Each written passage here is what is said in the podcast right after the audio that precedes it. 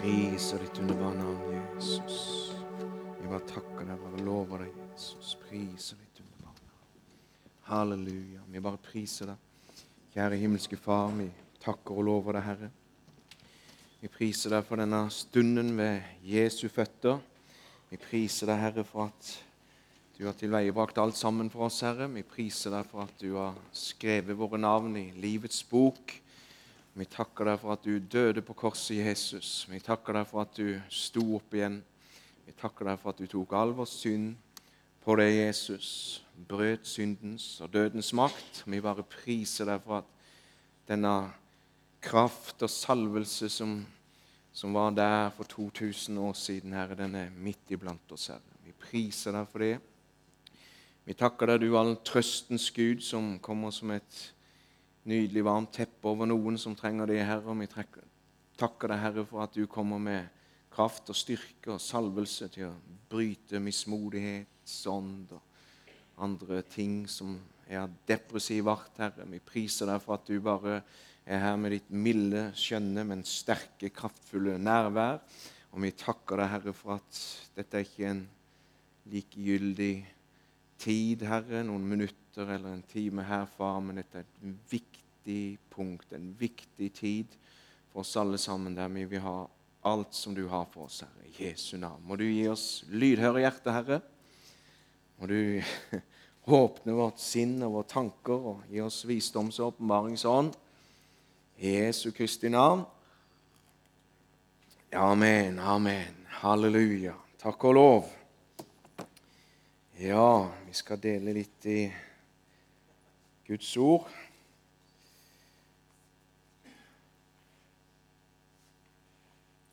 Hvis jeg ikke får åpna iPaden her, så får vi gå på kroa eller noe sånt, for det, da er det ikke noe preken, men skal vi se. Halleluja. Ja.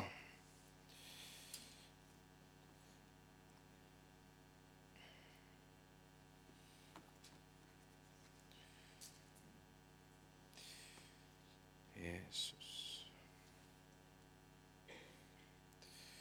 Jesus, ja. Ja, det er godt å være sammen, og det er godt å være sammen med Jesus. Godt å være i hans sitt nærvær. Vi har som sagt vært ute og herja litt vet du, på tur nå i januar. og Øystein her han er en god medarbeider og medstrider i Herren. Øystein og Diana og flere med her. Jeg ser ikke alle sammen her, men vi er en god gjeng vet du, som står på for Herren med evangeliet i det vi holder på med. da. Så vi, eh, vi var for mange syke der nede. og han Daniel Harka, som er ansatt hos oss, han eh, var med, så det var vi tre. Så jeg ba, vet du, og han la olje på dem. Og Daniel tolka, som vi fant ut at Øystein han er blitt den nye oljearbeideren i Himmelparter. Han har begynt i olja. så Så det er fint. Jeg har veldig tro på team, altså. Det er veldig bra. Så får vi se hvordan Herren leder an. Men hvis du har behov her i kveld, så, så skal vi selvfølgelig ha et alterkall der du kan komme for forbønn og betjeninger. Vi har salveolje her, ser jeg. og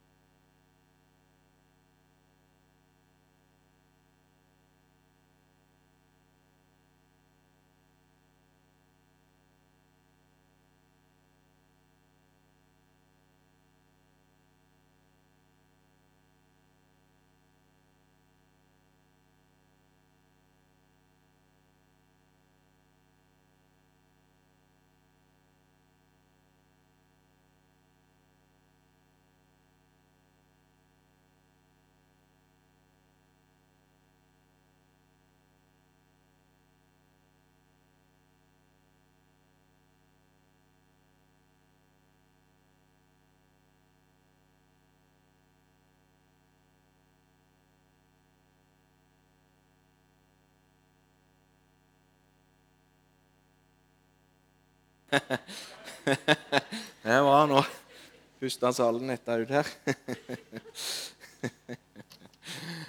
Ja, men det er bra. Det er bra. Er Den vil liksom ikke snu seg, denne her Det var noe keitete, dette her. Den teknikken, vet du. Så ja, ja. Ja. Yes, Vidar han spurte meg om eh, å preke, og eh, glad for det, at jeg kunne komme her og dele Guds ord i kveld. Og du hadde et tema som eh, hadde om etterfølgelse. Følge etter Jesus, eh, som jeg forstår er noe av det som dere er modus, eller sporet som dere er på nå. Og det er jo veldig bra. Eh, det er jo alltid vanskelig å hoppe inn i noe som ikke er ens eget hjerte, og sånn akkurat der og da, men jeg føler at jeg kan koble på eh, og lage en grein til det. Så ble det kanskje annerledes enn det en skulle tro. og sånn, Men eh, det å etterfølge Jesus det var jo noe som, som skjedde, og som begynte den gangen som Jesus kalte på mennesker når han gikk ned i Israel. Han kunne gå på stranda, og så kom han til Sebudeus-sønnene, f.eks. Johannes og Jakob, og så sa han bare 'følg meg'. Og så forlot de alt og fulgte han. Det høres jo helt sprøtt ut. At det kommer bare en mann ut av det blå, og så sier han 'følg meg'. Og så, og så dilter de etter han, og faren blir igjen med, med AS-et, eh, hele familiebedriften, alene. Og så følger de Jesus. Det må jo ha vært en veldig salvelse over Jesus. Det må jo ha vært et veldig en veldig autoritet og salvelse og en kjærlighet, en atmosfære, en kraft rundt Jesus som gjorde at mennesker ble fjetra, og at de bare kunne forlate alt og følge Jesus når han kom og ga ett ord inn i livet de sitt. Sånn er det faktisk her i kveld. at Om ikke du har Jesus i hjertet og ikke kjenner Jesus, så kan ett ord være det som frelser deg i kveld, som løser deg, som helbreder deg, som får deg opp på et nytt nivå, på høyere grunn, det som får deg ut i bane. Det kan bare være ett ord ifra Jesus. Og så er jo Det ordet som han taler, det er alltid evig. Det går aldri ut på dato. Hos han er det ingen skiftende skygge, men han står ved alt i sitt ord. Bare så det er sagt i disse tider med visse kirkedebatter og sånt, så er hans ord evig og det står fast til evig tid. Så sier han, 'Kom og følg meg'. Det er, ikke, det, det er ikke han som skal følge oss, men det er oss som følger Jesus. Og Paulus han sier også i første Korinterbrev et eller annet sted at, eh, at 'bli mine etterfølgere', sier han. Liksom jeg følger Jesus Kristus. Han er tøff, han er frimodig. Og Han er eh, rak i ryggen og han har god samvittighet. Han har alt på stell, så han kan si det som et godt eksempel og vitnesbyrd. 'Følg meg, gjør som jeg gjør', sier han. Og så blir mine etterfølgere liksom jeg følger Jesus. Og Det er jo spennende at når vi lever 2000 år etterpå, at Jesus sa de ordene, så er det fortsatt et krav til oss som er frelst, å følge Jesus. Og Da kommer jo spørsmålet hvordan gjør vi det rent praktisk. Hvordan skal vi følge Jesus i 2017 i vår hverdag i nasjonen Norge? Hvordan skal vi følge Jesus? Eh, og Det er jo en livslang læreprosess og vandring. Det er jo som ekteskapet. det at man, eh, Alle som ikke er gift, er jo eksperter på, på ekteskap og barneoppdragelse og alt sammen. Så blir man gift og skjønner at det, det var feil. Man eh, hadde ikke peiling ofte, men det er en livslang læreprosess der man lærer og inntar nye områder, man ser nye sannheter hele tida. Og Jesus, forholdet til Jesus, det er en relasjon, det er et forhold. Og eh, jeg ønsker bare å ta opp to eksempler fra Skriften. og Da vil jeg lese fra Johannes evangelium, kapittel 1 5 Nei, ja, der skal vi òg lese, men vi kan begynne fra Johannes ja, Vi kan lese der. Johannes evangelium, kapittel 5 og vers 2. Ved saueporten i Jerusalem er det en dam som på hebraisk heter Betesta. Den har fem søyleganger. I disse lå det en mengde syke, blinde, lamme, vannføre som ventet på at vannet skulle bli satt i bevegelse. For en engel steg fra tid til annen ned i dammen og rørte opp vannet. Den som da først steg ned etter at vannet var blitt opprørt, ble frisk, var sykdom han så led av. Det var en mann der som hadde vært syk i 38 år. Jesus så han ligge der og visste at han hadde vært syk i lang tid. Han sa da til ham, 'Vil du bli frisk?' Den syke svarte ham, 'Herre, jeg har ingen til å kaste meg ut i dammen når vannet blir opprørt.' Og i det samme jeg kommer, stiger en annen ned før meg. Da sier Jesus til ham, 'Stå opp, ta din seng og gå.' Og straks ble mannen frisk, og han tok sin seng og gikk. Men det var sabbat den dagen. Det er jo sånn at Jesus han søkte oss. Det var jo ikke vi som søkte han, men han kom til denne jord. Han gikk veien om Dolorosa, gikk til Golgata, døde der, sto opp på den tredje dag. og Han strakte ut sine armer, sa det var fullbrakt, og hans Gud beviste. Han strakte ut sin hånd gjennom Jesus Kristus og bare sier, 'Kom, det fins en kallelse den dag i dag på følg meg.' Det fins en kallelse fra Jesus, følg meg. Og Det er mange måter å følge Jesus på. Det er han som er sjefen. Det er han som, som bestemmer eh, på hvilke områder og hva man skal gjøre, hvilken oppgave man har i den etterfølgelsen som han kaller oss til. Det som er så fint å se, at Jesus han satte et eksempel. Så viste han oss hvordan vi skulle gjøre det. Og Her så ser vi at i sin fortvilte, langvarige situasjon så var denne lamme mannen lam for 38 år, i 38 år. Og En dag så kommer bare Jesus der, helt uforvarende, plutselig inn i livet til denne mannen. Og Han hadde vel aldri drømt om det at plutselig skulle Jesus en dag stå der og tale de helbredende ordene rakt inn i livet hans sitt. Han satsa på Lotto. Han, han tenkte at eh, jeg har en liten sjanse liten, liten sjans for at jeg skal komme meg i dammen når engelen stiger ned, denne helbredelsesengelen. Og så kommer bare plutselig Jesus der. Og Jesus han var leder av Den hellige ånd. Han var jo underlagt samme kår som oss. Så han ble leder inn i situasjoner. Han var var i ånden, Jesus. Ganske logisk. Han var et eksempel for oss, og han, han følte seg fram i gåseøynene. Han kjente i sin ånd når det var et behov. Vi kan se det f.eks. når han sier 'la oss sette over til den andre siden'. Så forlot han store kampanjen han var i, og så dro han over til Gerasenerlandet. Og så drev han ut en legion demoner av en, en plaga mann som var der, besatt mann, og reiste tilbake igjen. Og Han helbreder den blodsjuke kvinnen, går til Jairus og reiser opp dattera hans. og Han er bare i støtet. Men stadig så ser vi i drypp i Jesu tjeneste at han går til den ene fordi at han er den gode hyrden som forlater de 99 og går ut i ødemarken for å finne den ene. Det er Jesus i natur, og han opererer fortsatt sånn. Han er sånn her i kveld.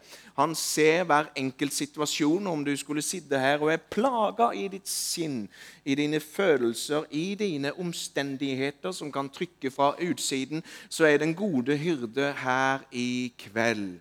Og så er jeg så glad for det at ingenting av den kraft som var over Jesus den gangen, har tapt noen ting, men den fins her i kveld. Og i kveld så skal vi salve noen som måtte trenge det, syke. Vi skal be for andre. Og jeg har et, et rop i mitt indre til at det skal være en profetisk salvelse i ettermøtet. Det er jo sånn at Av og til så flyter man bare i det profetiske. Av og til så gjør man ikke det.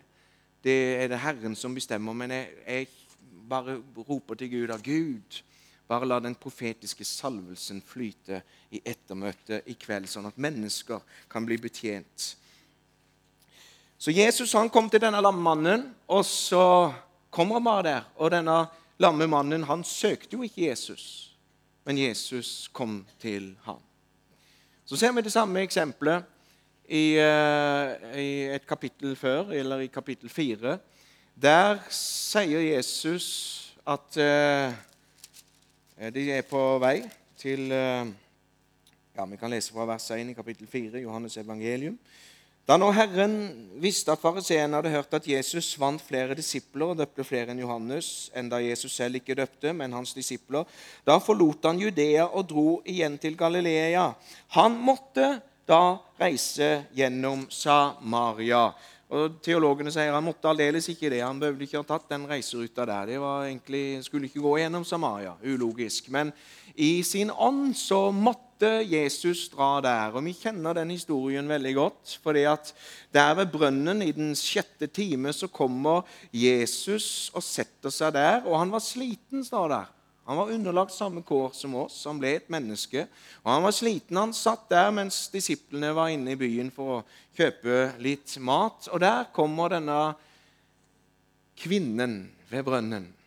Så kommer hun ut der, og så opererer Jesus i kunnskapsord. Han begynner å få en innfallsvinkel og tale med denne her kvinnen om det levende vann. og Hun henger ikke på i den første runden, men etter hvert så drar snota inn, og så kommer det et kunnskapsord at 'Gå og hent din mann'. Ja, Det var sånn et lurespørsmål. 'Herre, jeg har ingen mann.' Der sa du sant, for du har fem, hatt fem menn, og den du har nå, er ikke din mann. Og så var det så de sakk i henne, fordi at her var hun ovenfor en profet som kunne se rett igjennom henne. Jesus Kristus. Og så ble ett menneskeliv forvandla der. Akkurat som denne lamme mannen ved Betestadammen. Ut av det blå så ble han bare forvandla der, for Jesus søkte han. Og denne dama hun eh, ble forvandla der. Hun eh, reiste ut til byen og begynte å vitne om Jesus. Skulle ikke han kanskje være Messias? Og så var det et menneskeliv som bare ble forvandla. Jesus han søker den ene der. Og Det er sånn en hide and seek i Guds ord som vi skal se litt nærmere på, og vi skal lese litt i Høysangen. Husk at vi er etterfølgere av Jesus, sånn som han gjorde. Sånn skal vi gjøre. Av og til så kan vi bli minnet en morgen at kanskje vi skulle gå til den der enka som har litt vond rygg og ikke orker å brøyte opp oppkjørselen sin sjøl og måke litt snø for henne. Det er sånn det fungerer. Jesus satte et eksempel. Og alle disse tingene kan den verste hedning gjøre, men vi gjør det ene skal gjøres, det andre skal ikke utelates. Vi skal både måke snø, og vi skal òg legge hendene på de syke, operere i åndens kraft fordi at vi vandrer i kjærlighet. Han som gikk omkring og helbredet alle dem som var underkuet av djevelen. Halleluja. Jesus, Jesus. Han gikk omkring og gjorde vel. Gjorde vel. Hva var det som var vel? Det var det at han helbreda i åndens kraft. Halleluja. La oss bli hans etterfølgere. La oss gå ut og helbrede mennesker i åndens kraft. I den tjenesten jeg står i, så er det sånn en krigstjeneste, kan man si. Det er sånn en stridens grunn. Det er noen veldig troskamper på, både på økonomi og på å innta områder og bygge nettverk og relasjoner og alt det som skal til før man kan begynne å forkynne evangeliet. Man skulle jo bare ønske å klaske opp teltet hvor som helst og bare kjøre på, men så enkelt er det ikke. Man må jobbe veldig hardt og planlegge et år for å få til en kampanje på et sted. Det er veldig veldig mye hard arbeid, og det kan være skuffelser og det kan være nedturer. Og, og det, det, er sånn en stridens tjeneste. Men så fins det to områder å være på her i livet. og Det er på hellig grunn, og det er på stridens grunn. Og Kong David han var jo ikke alltid på stridens grunn, selv om han var en krigskonge og, og, og var en krigens mann, en stridsmann, så var han stadig inne på hellig grunn. Og han kjente denne Eh, han visste om, om, kraften i det å stå på hellig grunn før man står på stridens grunn. Eh, og Det som er så fantastisk, det er det at eh, når Adam falt i synd, så ble han jo kasta ut av Edens hage. Og så vet vi at Jesus han er den siste Adam, eller den andre Adam. Så han gjenoppretta det som Adam eh, falt i, og det som han, gjorde, som han var mislykka i. Det gjenoppretta Jesus. Nå er det jo ikke noen fysisk Edens hage lenger, for den, den ble nedlagt kan du si, i syndefallet. Men det fins en åndelig hage som ble gjenoppretta når Jesus ropte 'det er fullbrakt'. Når han døde på korset, og han sto opp igjen, så ble det igjen gjenoppretta den Edens hage som Gud hadde tiltenkt. Og det var jo sånn at Gud han kom inn i Edens hage, og når dagen var blitt sval, så kom Gud sånn utpå ettermiddagen gjerne der. Der kommer Herren inn i hagen. Og Adam og Eva de vandra med Gud der, og de talte med han, og han talte med dem. Og han hadde et fortrolig fellesskap med mennesket, sin sønn og sin datter. Der gikk Herren sjøl, og han talte med dem. Og det var perfekt. Det var nydelig, det var skjønt, og så ble det ødelagt av synd som kom imellom. Men så kommer Jesus, og så gjenoppretter han det. Og nå fins det igjen en hage som han kaller oss inn i. En Edens hage. Vi skal lese litt om denne hagen i Salomos høysang, kapittel 2. Og så skal vi lese litt fra vers 5. Og i kapittel 2 og vers 9 i høysangen Min elskede ligner en gasell eller en ung hjort. Det er bruden som snakker om brudgommen. Se, der står han bak vår vegg. Han kikker inn gjennom gluggen, han gløtter inn gjennom gitteret. Min elskede tar til orde og sier til meg, Stå opp, min kjæreste, du min fagre, og kom ut. For se, nå er vinteren omme, regnet er dratt forbi og er borte. Blomstene kommer til syne på marken. Sangens tid er inne, og turtelduenes røst har latt seg høre i vårt land. Fikentreets frukter tar til å rødme, og vintrærnes blomster dufter. Stå opp og kom, min kjæreste, du min fagre, så kom da. På engelsk så er det så veldig vakkert. Come away, my love. Come away. Fang revene for oss. Eller vers 14.: Min due i klippens kløfter, i fjelltidens ly, la meg se din skikkelse. La meg høre din røst, for din røst er blid, og din skikkelse er fager. Fang revene for oss, de små revene som ødelegger vingårdene. Våre vingårder står jo i blomst. Min elskede er min, og jeg er hans, han som vokter sin jord blant liljene, står det. Høysangen beskriver en voldsom, vakker hage med frukttrær, og så er det en brud, og så er det en brudgom, og så fins det en kallelse der. Det fins en kallelse der inn på denne hellige grunnen. Og I vers 1 i kapittel 5 så står det 'Jeg er kommet til min hage'. Min søster, min brud. Tenk at Herren vandra i Edens hage. Og det var nok høydepunktet for Gud, den allmektige, at på det tidspunktet på dagen så skulle han komme og besøke sine elskede barn. Adam og Eva. Det er hans natur, og det er fortsatt hans natur. Jeg er kommet til min hage, min søster, min brud. Jeg har plukket min myrra og min krydder. Jeg har spist min honningkake og mitt honning. Jeg har drukket min vin og min melk. Venner, et drikk. Drikk dere glade, mine kjære. Og så taler bruden i vers 2. Jeg sover, men mitt hjerte våker. Da høres min elskedes røst. Han banker på. Lukk opp for meg, min søster, min kjæreste, min due. Du rene, for mitt hode er fullt av dugg, mine lokker av nattens stråper. Jeg har tatt av meg kjolen, skulle jeg ta den på igjen?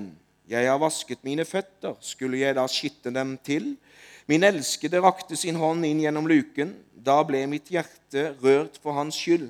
Jeg sto opp for å åpne for min elskede. Mine hender dryppet av murra, mine fingre av flytende murra som vette håndtaket på låsen. Jeg lukket opp for min elskede, men min elskede hadde vendt om og gått bort. Min sjel var ute av seg selv over hans ord. Jeg lette etter ham, men jeg fant ham ikke. Jeg ropte på ham, men han svarte meg ikke. Vekterne som går omkring i byen, møtte meg. De slo meg, de ga meg sår, de tok sløret fra meg, vekterne på murene. Det fantes en besøkelsestid der brudgommen sto på utsida og gjerne ville inn og kalte på bruden der. Og bruden hadde en tankeprosess i sitt hode der hun vurderer skal jeg stå opp, for jeg har jo ikke tatt jeg har jo tatt kjolen av meg, og, og, det er litt bryderi, dette her. Jeg har jo lagt meg alt sammen, og så blir det en, en, en sånn der eh, argumentasjon inni henne sjøl at skal jeg virkelig gjøre dette?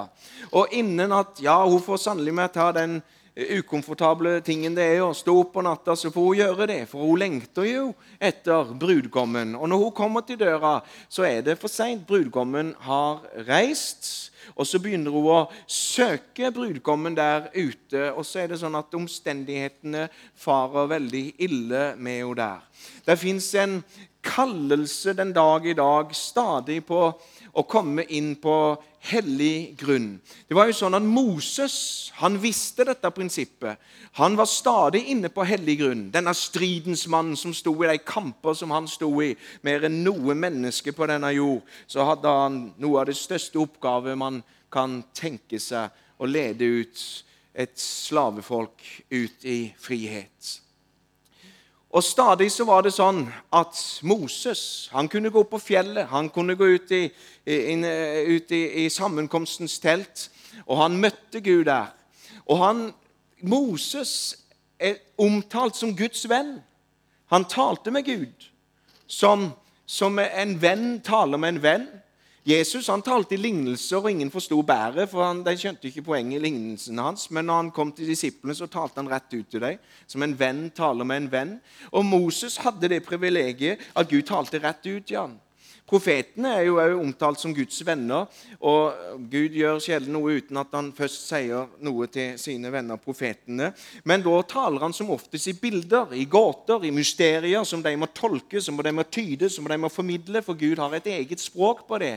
Men for Moses så talte han rett ut og detaljert la ut alt hvordan tabernaklet skulle bygges, hvordan farvene skulle være, hvordan kledningene på prestene skulle være. Talte rett ut, behøvde ikke tyde noen verdens ting. Han bare hørte Gud fortelle han i detalj. Moses han ble hekta på Gud. Han elska å være i Guds nærvær. Og Stadig så var det sånn at Gud kalte Moses inn i hagen. Og Moses var begeistra for dette. Så Herrens ord lød og sa at vask deres klær og gjør dere rene og hellige i to dager, for på den tredje dagen som kommer jeg 3-3-3-3 går gjennom hele Bibelen. Tallet for treenigheten, tallet for oppstandelse, tallet tre, det guddommelige tallet. På den tredje dagen. Abraham som løftet sitt blikk på den tredje dag og så Moriahøyden der borte. som Hvor er lammet til brannofferet? Tallet tre går igjen hele tida. Og på to dager skal dere hellige dere. Jesus han sa jo det at når de kommer og sa nå må du løpe, Jesus, for nå kommer Herodes og tar deg. Gå og si til den reven at jeg helbreder de syke og kaster ut demoner i to dager. På den tredje dagen så reiser jeg seg, eller da stikker meg. Halleluja. Er det, det, Du vet at det er noe profetisk i, i, alt som har med tall å gjøre i Bibelen. Ingenting er etterlatt til tilfeldighetene når det har med Gud å gjøre. Så budskapet kom, og Moses sa nå må de gjøre deg klare, for Gud kommer til å stige ned på fjellet her på Sinai. Kommer bare til å stige ned. Eh, så nå må de gjøre deg klare. Eh, og så kommer Gud. Og ikke, Han kom ikke inn bakdøra, for å si det mildt. Det var noe så voldsomt for et forrykende show. Det var lyn og torden og brak og en mørk sky og masse lys på innsida. Det var så de jordskjelv og de rista, og det var noe voldsomme greier. Og da ble folket vettaskremt. Og de ropte til Moses, 'Gå og tal til han du', for Gud skulle jo tale til hele folket. Alle skulle høre Guds stemme den dagen, på den tredje dagen. Gå du, sa de, for vi er redde at vi kommer, til, vi kommer ikke til å overleve dette her. Men Moses han var så fascinert at han ble bare dratt inn i skyen og han steg opp på fjellet, og han talte med Gud der. Det fins en kallelse inn i hagen, og i dag så er det millioner av mennesker på denne kloden som sier nei, det der med kristendom, det med Jesus, dere får ta det og holde det for dere sjøl, eller vi, vi, ønsker ikke inn i det der. Men det fins en kallelse til alle mennesker. Og Hvilken type er du? Er du som Moses, eller er du som massene der ute som tenker at det der får vi skyve til i morgen, eller det, der, det blir for voldsomt, det blir for sterkt? Men du vet at Moses han var dratt inn på denne hellige grunn for å tale med, Moses, nei, med Gud ansikt til ansikt. Det er en profet som ikke jeg vet veldig mye om. Jeg har bare oppdaget han litt akkurat nå i det siste. Det kan være veldig lurt å følge med på de som som er av kristen, ordentlig media. Sånn at ikke man bare har én type kilde og informerer seg om det Gud gjør i verden. Og Jeg oppdaget for en liten tid tilbake at det var en profet ved navn Kim Clement som dessverre gikk så altfor tidlig bort. Døde, reiste hjem til himmelen. Og I den eh, anliggende så, så, leste jeg litt om han. Jeg har ikke hørt noen prekener av han og sånt, så jeg kan ikke på en måte gå god for han og, og flagge han opp som noe sånt. Kjenner veldig lite til han. Men det er ikke det som er poenget. Men jeg leste eh, et stykke som var skrevet om han etter begravelsen av en pastor som hadde stått ham nær. og Denne pastoren hadde ofte hatt han i sin menighet. Og Kim Clement var en profet. Veldig eh, skarp profet. I 2007 så, så profeterte han veldig tydelig at Donald Trump skulle bli president i 2017. Og han har vært veldig skarp i alle sine profetiske eh, forutsigelser som har vært opp igjennom. Og denne Pastoren han skriver det at eh, han inviterte han ofte til menigheten. og En gang så, før han skulle tale, så, så står Kim Clement der. Og så begynner han å rope ut et navn i salen. 'Fins du her som heter?' Og så nevnte han et navn. Og så eh, skjedde der ingenting, og han ropte og han ropte. 'Fins du her? Kom fram! Kom fram!' Det begynte nesten å bli pinlig. Og til slutt så kommer det tuslende fram en liten afrikansk, tynn, sped, sykelig gutt som kommer fram der. Og Kim Clement sier bare til han at Jesus helbreder den sykdommen som du har i blodet ditt nå. Og Så tusla han tilbake der. Og han fortsatte å preke. Pastoren observerte hva som skjedde. Et år etterpå så treffer tilfeldigvis denne pastoren i menigheten denne gutten på gata. Og Han løper hen til han og sier, 'Var ikke du han gutten som kom fram på det møtet?' 'Jo', sa han. Og han så så frisk ut. Han var lagt på seg. Og hva skjedde? Jeg hadde aids, sa han. Jeg hadde ikke lenge igjen å leve. Og Så kalte denne mannen meg fram, sa han, så fikk jeg ta imot Jesus for den dagen som ble frisk. og har vært frisk siden, sa han. Og Så forteller denne pastoren videre i dette minneordet om denne gudsmannen. For det er jo sånn at vi snakker om etterfølgelse. Og vi er brev kjent og lest åpne brev lest av alle rundt oss. Og Paulus sier 'bli mine etterfølgere', sier han, liksom jeg etterfølger Jesus. Og Noen personer så er det veldig bra å se på de personene og studere livet deres, for at vi kan lære, og at vi kan bli etterfølgere av de gode de gjør. Ingen personer er perfekte, selvfølgelig. Men det er veldig mye å lære av andre som har kommet langt med Herren. Og Pastoren forteller at jeg var på en shoppingmall og ute på parkeringsplassen. Og Så kommer det løpende ei dame som er i en situasjon da, som hun er en vanskelig situasjon med mannen. Hun vil gjerne ha en profeti. Det har jeg opplevd. Jeg opplever stadig nede i Europa. Jeg kommer, du, jeg vil ha en profeti, sier de. Og Da står man der som et naut. Så må man bare si det at de kan dessverre ikke styre kan be for det, men jeg kan, som regel så får jeg ikke noen profeti når jeg blir bedt om å gi en profeti. Liksom. Det, det, det, er ikke sånn det fungerer. Og det sa Kim Clement til dama veldig høflig, fint. Det er ikke sånn det fungerer, sa han. Så, så reiste hun, da, og så ropte han etter henne idet han gikk inn i bilen. Forresten, sa han, svaret ditt finner du på rom 1208 på det og det hotellet. Så gikk hun opp der, og så fant hun mannen sin utro med ei anna dame der. Så denne profeten han var veldig skarp i sin ånd. Kunne, jeg kunne fortsette å fortelle om det. Men det er det at hvordan levde denne mannen? Så skriver denne pastoren i minneordet. Av og til, når jeg kunne sitte sammen med han i en selskapelighet eller ved et bord utpå ettermiddagen, sånn, så kunne han av og til falle litt ut, dette litt av og bli litt sånn ukonsentrert og svevende. og var liksom ikke med i samtalene lenger. Og En gang så spurte han om det var noe galt. Og så svarte Kim Clement 'Det blåser i hagen', sa han. Og Med det så mente han det at refererte til Edens hage. For at hvis han ikke hadde fått sin bønnetid på morgenen eller formiddagen, som han alltid brukte å ha, var blitt forhindra for det Fang de revene som kommer. Fang revene som kommer, og ta oppmerksomheten. ikke sant? Fang revene. Og når han var blitt forhindra for det, så brukte som regel Gud å komme og kalle på han ca. klokka tre på ettermiddagen. Da begynte kallelsen, og da svarte han bare 'Det blåser i hagen'. Og så gikk han avsides for å være med Herren. Så tenker jeg mange ganger at når jeg står i et eller annet, så kan jeg kjenne Gud kalle på meg. Så Gud, dette får vente, for når jeg er opptatt. så setter vi mennesker høyere enn Gud. Men hadde kongen sagt at uh, hvis jeg hadde stått og prata med noen Du, eh, kong Harald ringer. Nei, jeg prater med Jan Eddie her, så han får Ikke sant? Det, det er klart at da trer du til side så jeg 'beklager, unnskyld meg', men vi får ta dette igjen. Men nå kaller kongen. Og Så hadde han også respekt for Den hellige ånds nærvær at han gjorde det. Da tenker jeg at det er til etterfølgelse, for det fins en stridens grunn, og det fins en hellig grunn. Og på den hellige grunnen, som Moses så ofte var, der mottar man informasjon. Det var et klede som ble lagt over Moses sitt ansikt. I andre Mosebok, kapittel 34, vers 34 Herren ga meg det i en drøm her en natt.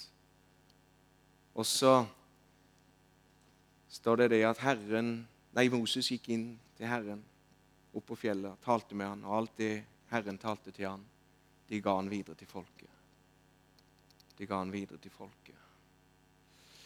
Så den dag i dag så er det sånn at hvis vi skal følge Jesus, så må vi ha instrukser. Vi må ha kontakt med Jesus. Hvordan følger vi Jesus i dag? Vi følger Jesus med å leve i den profetiske elva, profetiske strømmen. For Det er en strøm av levende vann. Det er et liv. Det er ingen teori. Men det er en strømning der Gud taler aldri utenom sitt ord, men han taler alltid i henhold til sitt ord. Gud har ikke stoppa å tale. Han taler den dag i dag. Han taler og taler, og han kaller og han kaller. Jeg spurte en profet en gang, jeg hadde pratet med han, så er jeg så nysgjerrig på hvordan det funker for andre. og sånn, og så Er det sånn at det går opp og ned i gaven din? Kan du være veldig skarp og profetere mye over folk? Ja, det var sånn det gikk i bølger, sa han. Jeg tror alle som har nådegaver, det opplevd det gjennom livet, at de går litt i bølger. Noen har tunge og tydning i, så de griner vet du, i lange perioder. Så kan det være en periode som som det ikke er så særlig, og så kommer det en ny bølge. Og han hadde det litt sånn at det, det var litt opp og ned. Da spurte han åssen eh, Vet du noen grunn til at eh, det av og til ikke er så sterkt? At ikke du har så mye profetisk å komme med? Er det, hvilke tidspunkter eller hvilke tider er det sånn at du hører mest for Gud? Så sa han at det er når jeg vet at kona mi har det bra, ungene har det bra, at det ikke er noe press rundt meg eller press på meg, men at jeg kan slappe av og da, det, da, taler Gud aller, aller mest til meg, sa han. Derfor kaller Herren oss stadig inn på hellig grunn. Han kaller oss stadig inn i hagen, sånn at han kan snakke med oss, gi oss informasjon. Mye angående vårt liv, hvordan vi skal bli ledet, men òg mye informasjon som gjelder andre mennesker, som den enka som har vond rygg og ikke kan måke oppkjørselen sin sjøl. Der taler Gud der i hagen. Så var Jesus ved Betesta-dammen. Så hjalp han en lam, en lam mann der. Så var han ved brønnen. Så fikk han forandre et menneskeliv der. Hver morgen når vi våkner opp, så går det an å be en bønn. Gud, kan du bruke meg til å velsigne noen i dag? Hvis du begynner å be den bønnen, så skal jeg vedde på at du får bønnesvar. Kan du lede meg til noen i dag som trenger et Guds ord? Kan jeg be for noen syke da? Kan jeg be til noen frelse i dag? Hvem vil du lede meg til da? Hvis du begynner å bli åpen for det å stille deg disponibel for Gud, så kommer ting til å skje. Jeg husker at jeg var i eh, Afrika for noen år siden, i Kenya, vest i Kenya. Jeg husker ikke akkurat stedet nå, jeg har, har, det skrevet ned en plass. Men jeg, var, jeg hadde en rundreise der blant uh, noen ville stammer oppe i eh, områdene mot Sudan og mot grensa til Sudan. og Så bevegde vi oss videre over til Etiopia den veien der. Jeg eh, hadde en rundreise der. og Da, da kom vi opp der, og vi hadde team med, en del afrikanske pastorer. Vi skulle hatt et pastorseminar der, i den byen. Det var, det var, akkurat som en sånn western landsby. Det var bare ei gate og så noen sånne sjapper på hver side. Og så var det stopp. Og I enden av gata der lå menigheten. Og så hadde jo jeg budsjett husker jeg, på 40 000 kroner. Eh, og vi hadde kjøpt inn masse mat som vi skulle holde for en del pastorer eh, i to-tre dager der før vi reiste videre. Eh, og, og vi var der, men det, det var bare stengt, altså. Det var nedtur. Eh, vi hadde en liten utendørs eh, sak på gata der, og jeg sto på noen paller og eh, brølte som en løve og forkynte evangeliet som det beste jeg kunne. På engelsk. vet du, Alltid mye sterkere på engelsk, men det hjalp ikke. Det var, det var, noen få som ble frelst. To, tre, fire stykker. jeg husker ikke. Ja, det var litt nedtur. Brukte så mye penger òg, liksom. Står liksom ansvarlig for, for, givernes penger. ikke sant? Du vil at det skal bære frukt. Og, og så hadde vi en møte i den menigheten på kvelden der. Og Der var det nesten ikke folk. Jeg kom inn, Der var det noen få stykker rundt på plattforma. Det kom noen få etter hvert. da. Så det var jo nedtur. Men med en gang jeg kom inn døra, så, så, så er det som oppmerksomheten blir dratt til en gutt som jeg tipper 13-14-15 år gammel, som sitter på høyre side der. En afrikansk svart gutt. Så sitter han der, og så Med en gang jeg ser han, så Det er ikke et fysisk lys, men i ånden så er det som et lys Det er en person som blir highlightet. Det blir du blir dratt mot dem. Det er noe som Gud bare Jeg bare kjenner at den gutten er der en sterk kallelse over til å bli en evangelist. Det bare var så veldig sterkt. Nå tenker jeg tilbake på Jesus, hvordan han måtte dra til Samaria. Det var visse personer i hans vei som ble highlighta, og som han kunne forløse noe utover. Om det møtet ble mislykka, så kalte jeg i hvert fall han fram på slutten, og så sa jeg det at du sitter der og tenker jeg skal teste han skal teste han, for jeg så det var en kallelse på han. Så jeg, jeg, visste det var han, men jeg ville ikke plukke han, så jeg sa at eh, hvis du er her som har et kall til å bli evangelist, så, så, så, kan du rekke opp din hånd, og der kommer han bare seilende fram. Tenkte at han, han var kobla på, han skjønte det.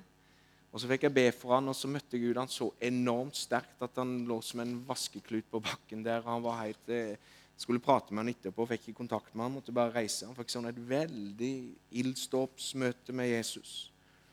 Og Så fikk jeg høre etterpå, lange tider etterpå, så spurte jeg noen, og så gikk det med han der gutten, sa jeg. Og Jeg profeterte veldig klart og tydelig over han om den tjenesten han skulle gå inn i. tenkte at han, Jeg var ung, det, det skurra nesten litt sånn åh, han, Jeg tenker å profetere sånn, for han, han er altfor ung. vet du. Kan ikke bli evangelist ennå, han. Da var det en pastor som hadde hørt den profetien, vet du, som hadde tatt han med seg ute i busken. Så han var med en annen pastor og forkynte evangeliet så de sto etter. Ute i de her stammene var i full sving. Ett møte. Ett møte. Det er sånn at Når man er mye i hagen, så blir man veldig var på det som skjer i åndens verden. Visse personer blir highlighta, blir etterfølgere av Jesus. Han måtte dra gjennom Samaria. Av og til så er det sånn at man må bare svinge innom et eller annet sted, for man kjenner en dragning til det, og der er et menneske du skal møte. Det er sånn Jesus opererte, og det er sånn han fortsatt, fortsatt opererer i dag. Og du kan være nøkkelen til å, til å være den som forløser noe over et annet menneske. Mange ganger så, så man kjenner i sin ånd at Herren sier fine ting til et annet menneske, så jeg blir så rørt sjøl. Jeg får informasjon om et annet menneske som er så vakkert, som er så fint. Man blir så rørt av det. Man tenker Gud, du elsker så. Tenk at du elsker så. Folk som bare blir highlighta, som, som peker seg ut i ånden, som du kjenner. Og jeg tror at det fins en sånn gryning til sånn en fundament i denne menigheten der det fins så store muligheter for et profetisk miljø. Og så kjenner jeg bare Den hellige ånd sier at den vi alle sammen minst skulle ane i dette rommet, har sterke profetiske gaver. Om vi skulle vite hvem det var som var veldig hadde denne gaven og kunne flyte mye i det profetiske og i åpenbaring, så skulle vi nesten le. Den du minst skulle ane det, sitter her inne og har en skatt i sitt leirkar, og den skatten er så uendelig fin. så trenger den personen bare være i et profetisk miljø og bli vanna, næra, fostra litt for å få denne skatten ut av leirkaret. Tro at du det gjelder, kjenner Den hellige ånd. Kjenner Den hellige ånd. Husker jeg ble så grepet sjøl av av og til over et menneske Bare ta det som et eksempel, og nevner ingen navn. Men et menneske som la hendene og ba på oss. og ettertid så kan jeg tenke på, på det Herren viser meg om andre mennesker. Det er jo ikke om meg, men det er så skjønt, det er så fint. Og da ser jeg vedkommende som jeg ber for, som følger etter Jesus. Følger etter Jesus. Jesus går foran, og vedkommende ser ryggen på Jesus. Og Jesus han går inn i et veldig vakkert landskap som ligger foran. Men så er det sånn at denne personen sagger etter. Og Stadig så ser jeg i dette synet at Jesus han snur seg. Så strekker han ut handa litt sånn for å vente på vedkommende. For at vedkommende skulle jo vært oppe på sida av Jesus, men det ble litt nøling og det ble litt sagging. Skulle jeg vel ta kjolen av meg? Skulle jeg vel stå opp nå på natta når brudgommen banker på? Så er vi av og til litt trege til å følge Jesus. Og så sto Jesus og venta til man kunne ta inn det gapet til man var på sida av Jesus igjen, eller bak ham. Og Sånn er Jesus at han, han kaller oss, han taler til oss, han kaller oss stadig inn i sin hage. Ikke et kunnskapsord før prekena i kveld, eller i går, faktisk. Det ene kunnskapsordet sa jeg akkurat, at det fins en person her inne som ingen skulle ane har en sterk profetisk avvise. Det fins en skjult skatt der. Du må søke til et miljø der de kan bli vanna og fostra. Det andre det er det at det er en person som lyger for seg sjøl. Grunnen til at du har det så vondt, er at du vet sannheten innerst inne men det du nå lener deg til, er ikke sannheten. Jeg tror at det gjelder to personer, faktisk to og en halv, for at det er to personer som står i noe veldig alvorlig, men det er en, en tredje person som ikke det er så alvorlig, men det gjelder den type. Om det er 100 mennesker her inne, så taler Gud kun til de to-tre personene. Resten av oss 98, for å si det sånn, skal bare legge det bort og ikke bli paranoide og tenke er det med, er det med, er det med. Men de to personene vet det veldig tydelig og klart. At man lener seg til en løgn, og du vet det sjøl. Du vet det sjøl. Kaller Herren deg til å være ærlig med deg sjøl for å kunne løse de som du står i. Skal vi avslutte? Jeg kommer ikke videre der, men i Jobbs bok, kapittel 33, vers 14, så står det der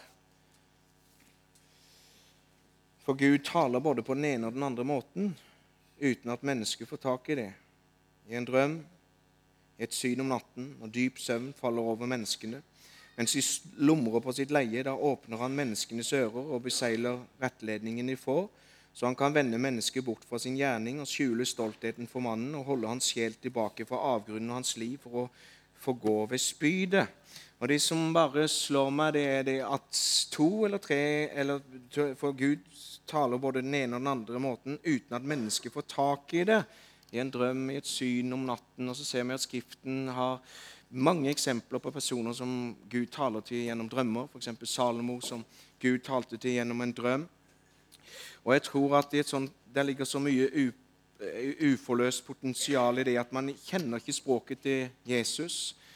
Og ånden vår sover jo aldri kroppen vår, og det er det. Sjelen sviver, og kroppen sover om natta, men ånden er alltid våken. Sånn er det jo evigheten. I helvete så sover aldri ånden. Det er ånder som er der, og heller ikke himmelen. Ånden er alltid våken. Og sånn er det at din ånd er våken om natta. Så sviver jo alt inni vår sjel, i vårt tankeliv. Det sviver jo av inntrykk som vi har fått. Så har du sett en film før du går og legger deg, så er det kanskje det du drømmer om. og av og til kan det være fint å lese Guds ord før du sovner, sånn at det er det som bearbeides i din ånd. Ofte så taler Gud gjennom drømmer. Og Så står det det at han taler på den ene og den andre måten uten at, Gud, uten at mennesket forstår det. Så er det ikke noe feil på Gud, og så er det ikke det at det er så stengt, men det er bare det at vi har glemt å koble oss på og ta seriøst det som Gud taler til oss. Kjære himmelske Far, jeg bare priser deg, Herre, for at du er midt iblant oss. Jeg takker deg, lover deg, Herre. Nå bare ber jeg om at du sjøl, Herre, som bare du kan, betjener hver enkelt, som bare du vet, og bare du ser. Jeg bare priser deg for at du kommer til å gjøre det, Herre. Du kommer til å gjøre det. Og jeg bare priser deg for du som er trøstens ånd, du kommer. Du som er den som kommer med gledens olje. Du er den som kommer i kveld, Herre. Vi priser deg, Herre, Vår gledens olje, Herre, og den livligheten som noen så sårt trenger til. Og vi priser og lover deg og ærer deg, Herre Jesus. Jeg takker deg for den hungeren som du skaper i kveld i oss alle sammen. Etter å bare få møte det i kveld, Jesus. Vi priser deg. Skal vi ikke bare begynne å lovsynge og prise Herren, og så skal vi gjøre det så enkelt at på de første to minuttene så står vi opp. Så er det lett å komme ut av benkerader hvis du vil ha forbønn, og så setter vi oss bare ned etter hvert. Om du vil i kafeen og sånn, så gjør du det, men etter hvert. Eller vi sitter i tilbedelse. Men det blir i hvert fall en anledning her nå til å komme fram og bli betjent. Du som er syk, du som har ting som, som er byrder i livet ditt, så vil vi være her og så betjene deg. Så må vi alle sammen være bedende om at den profetiske ånd skal være her. Guds ord skal flyte gjennom det profetiske.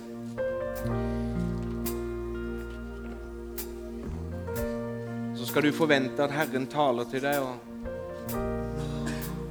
tida som kommer kommer til å highlighte visse personer som du skal gå til kommer til å sette deg på sporet av visse ting. Bli mine etterfølgere, sier Jesus. Jesus gjorde det. Måtte da til Samaria. Halleluja. Amen.